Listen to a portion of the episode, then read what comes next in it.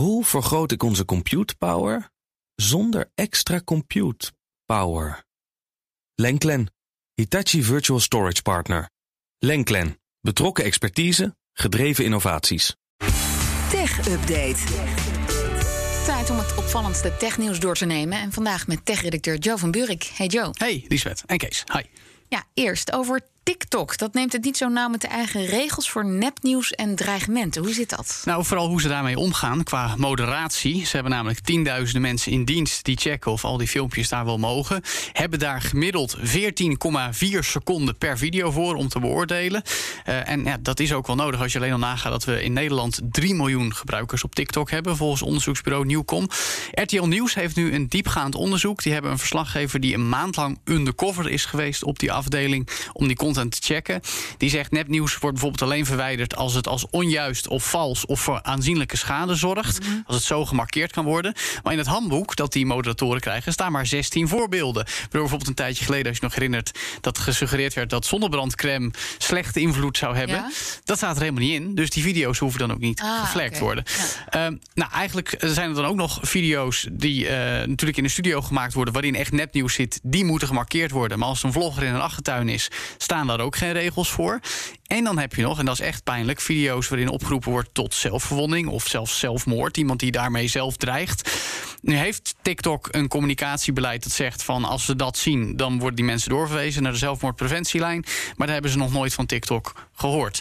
Dus um, het is niet heel erg goed geregeld daar. En dat hele onderzoek van RTL Nieuws legt dat heel goed bloot. Ja, ook over eetstoornissen. Als je... Ja en daar, hoor, daar staat nu ook niets over dan, kennelijk. Want nee. uh, de, de, nou ja, als je daar uh, op googelt of ja. op zoekt bij TikTok... dan en hartstikke schadelijk. Ja, want dit is natuurlijk puur gericht op kinderen. Er zitten wel volwassenen op, maar die kinderen die kijken nou, al die video's. Het zijn vooral jonge gebruikers. En het lastige is ook, dat wordt ook in de publicatie van RTL aangegeven... Um, dat bij TikTok heel vaak niet duidelijk is of het serieus bedoeld is... of ja. lollig om aandacht te trekken bijvoorbeeld. Of niet lollig, maar wel om aandacht te trekken. Dus uh, er staat dan ook in dat handboek... nou, het moet de intentie van van een gebruiker zijn om zoiets kwalijks te doen.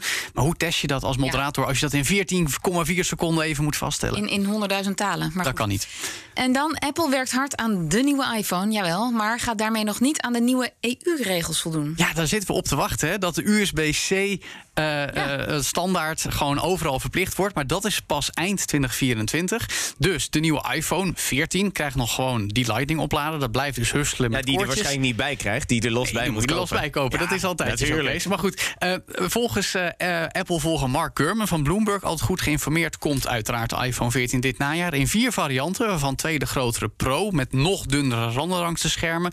Geen nieuwe iPhone Mini, die zou niet meer populair zijn. Al heb ik eigenlijk wel weer behoefte aan gewoon lekker een compacte smartphone. Ik weet niet hoe het met jou zit. Die dingen worden, zijn steeds groter worden, geworden de afgelopen vijf Ik jaar. vind prima, dan heb ik geen tablet meer nodig. Dan is gewoon nee, mijn ik telefoon wil mijn juist tablet. gewoon lekker compact. Maar goed, dat is dus niet. Nou, ook dus nog geen USB-C. Daarnaast werkt Apple aan drie nieuwe versies van de Apple Watch. De Series 8 alweer. Eén daarvan wordt ook echt bedoeld voor sporters, extra stevig.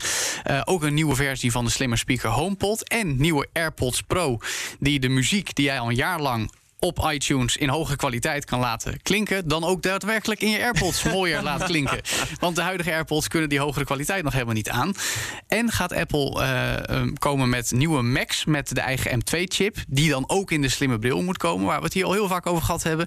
Maar daar gaan we het nog heel vaak over hebben, want die lijkt toch echt op z'n vroegst pas volgend jaar te gaan komen, die slimme bril. En vind jij dit nou bemoedigend nieuws of, of vind je het eh, teleurstellend? Of, eh, Nou, ik ben persoonlijk niet eens zo'n Apple-fanaat. Ik denk, we hebben hier wat collega's die je moet ja, vragen. maar los of je dat... fan bent of niet, maar Ja. van, van zo'n groot techbedrijf zijn dit echt, nou ja, objectief gezien eh, goed. Dit zijn toch stiekem gewoon updates? Dit, is zijn- niet de one ja, dit more zijn thing. stiekem- nee, dit hoort bij hun businessmodel. Dit is zeker niet one more thing. Dat is die bril. En tussentijd zal misschien nog wel iets anders komen. Het is wel interessant dat ze dit weer doen. En dat ze sommige keuzesmakers wel zeggen... van nou, die compacte smartphones passen ons niet. En die USB-C-standaard is pas eind 2024. Dus jullie kunnen piep krijgen Ja. tot in de tussentijd EU. Tuurlijk. Vandaar. En dan nog even dit. Bijna vier op de tien Nederlanders bezit tegenwoordig een spelcomputer. Nou, in deze studio minimaal twee op de drie. Ik weet niet hoe het met jou zit, Lisbeth. Ja, nou, ik, drie ik, op de ik drie. heb er vier, denk ik, of Heb- zo. je wil niet weten hoeveel ik er heb, Kees. ik kan niet tellen op twee, eh, twee eh, eh, handen. Maar goed, nieuw marktonderzoek van Telecom Paper onder 1750 Nederlanders. Marktleider is nog steeds Sony. We zijn echt een PlayStation-land.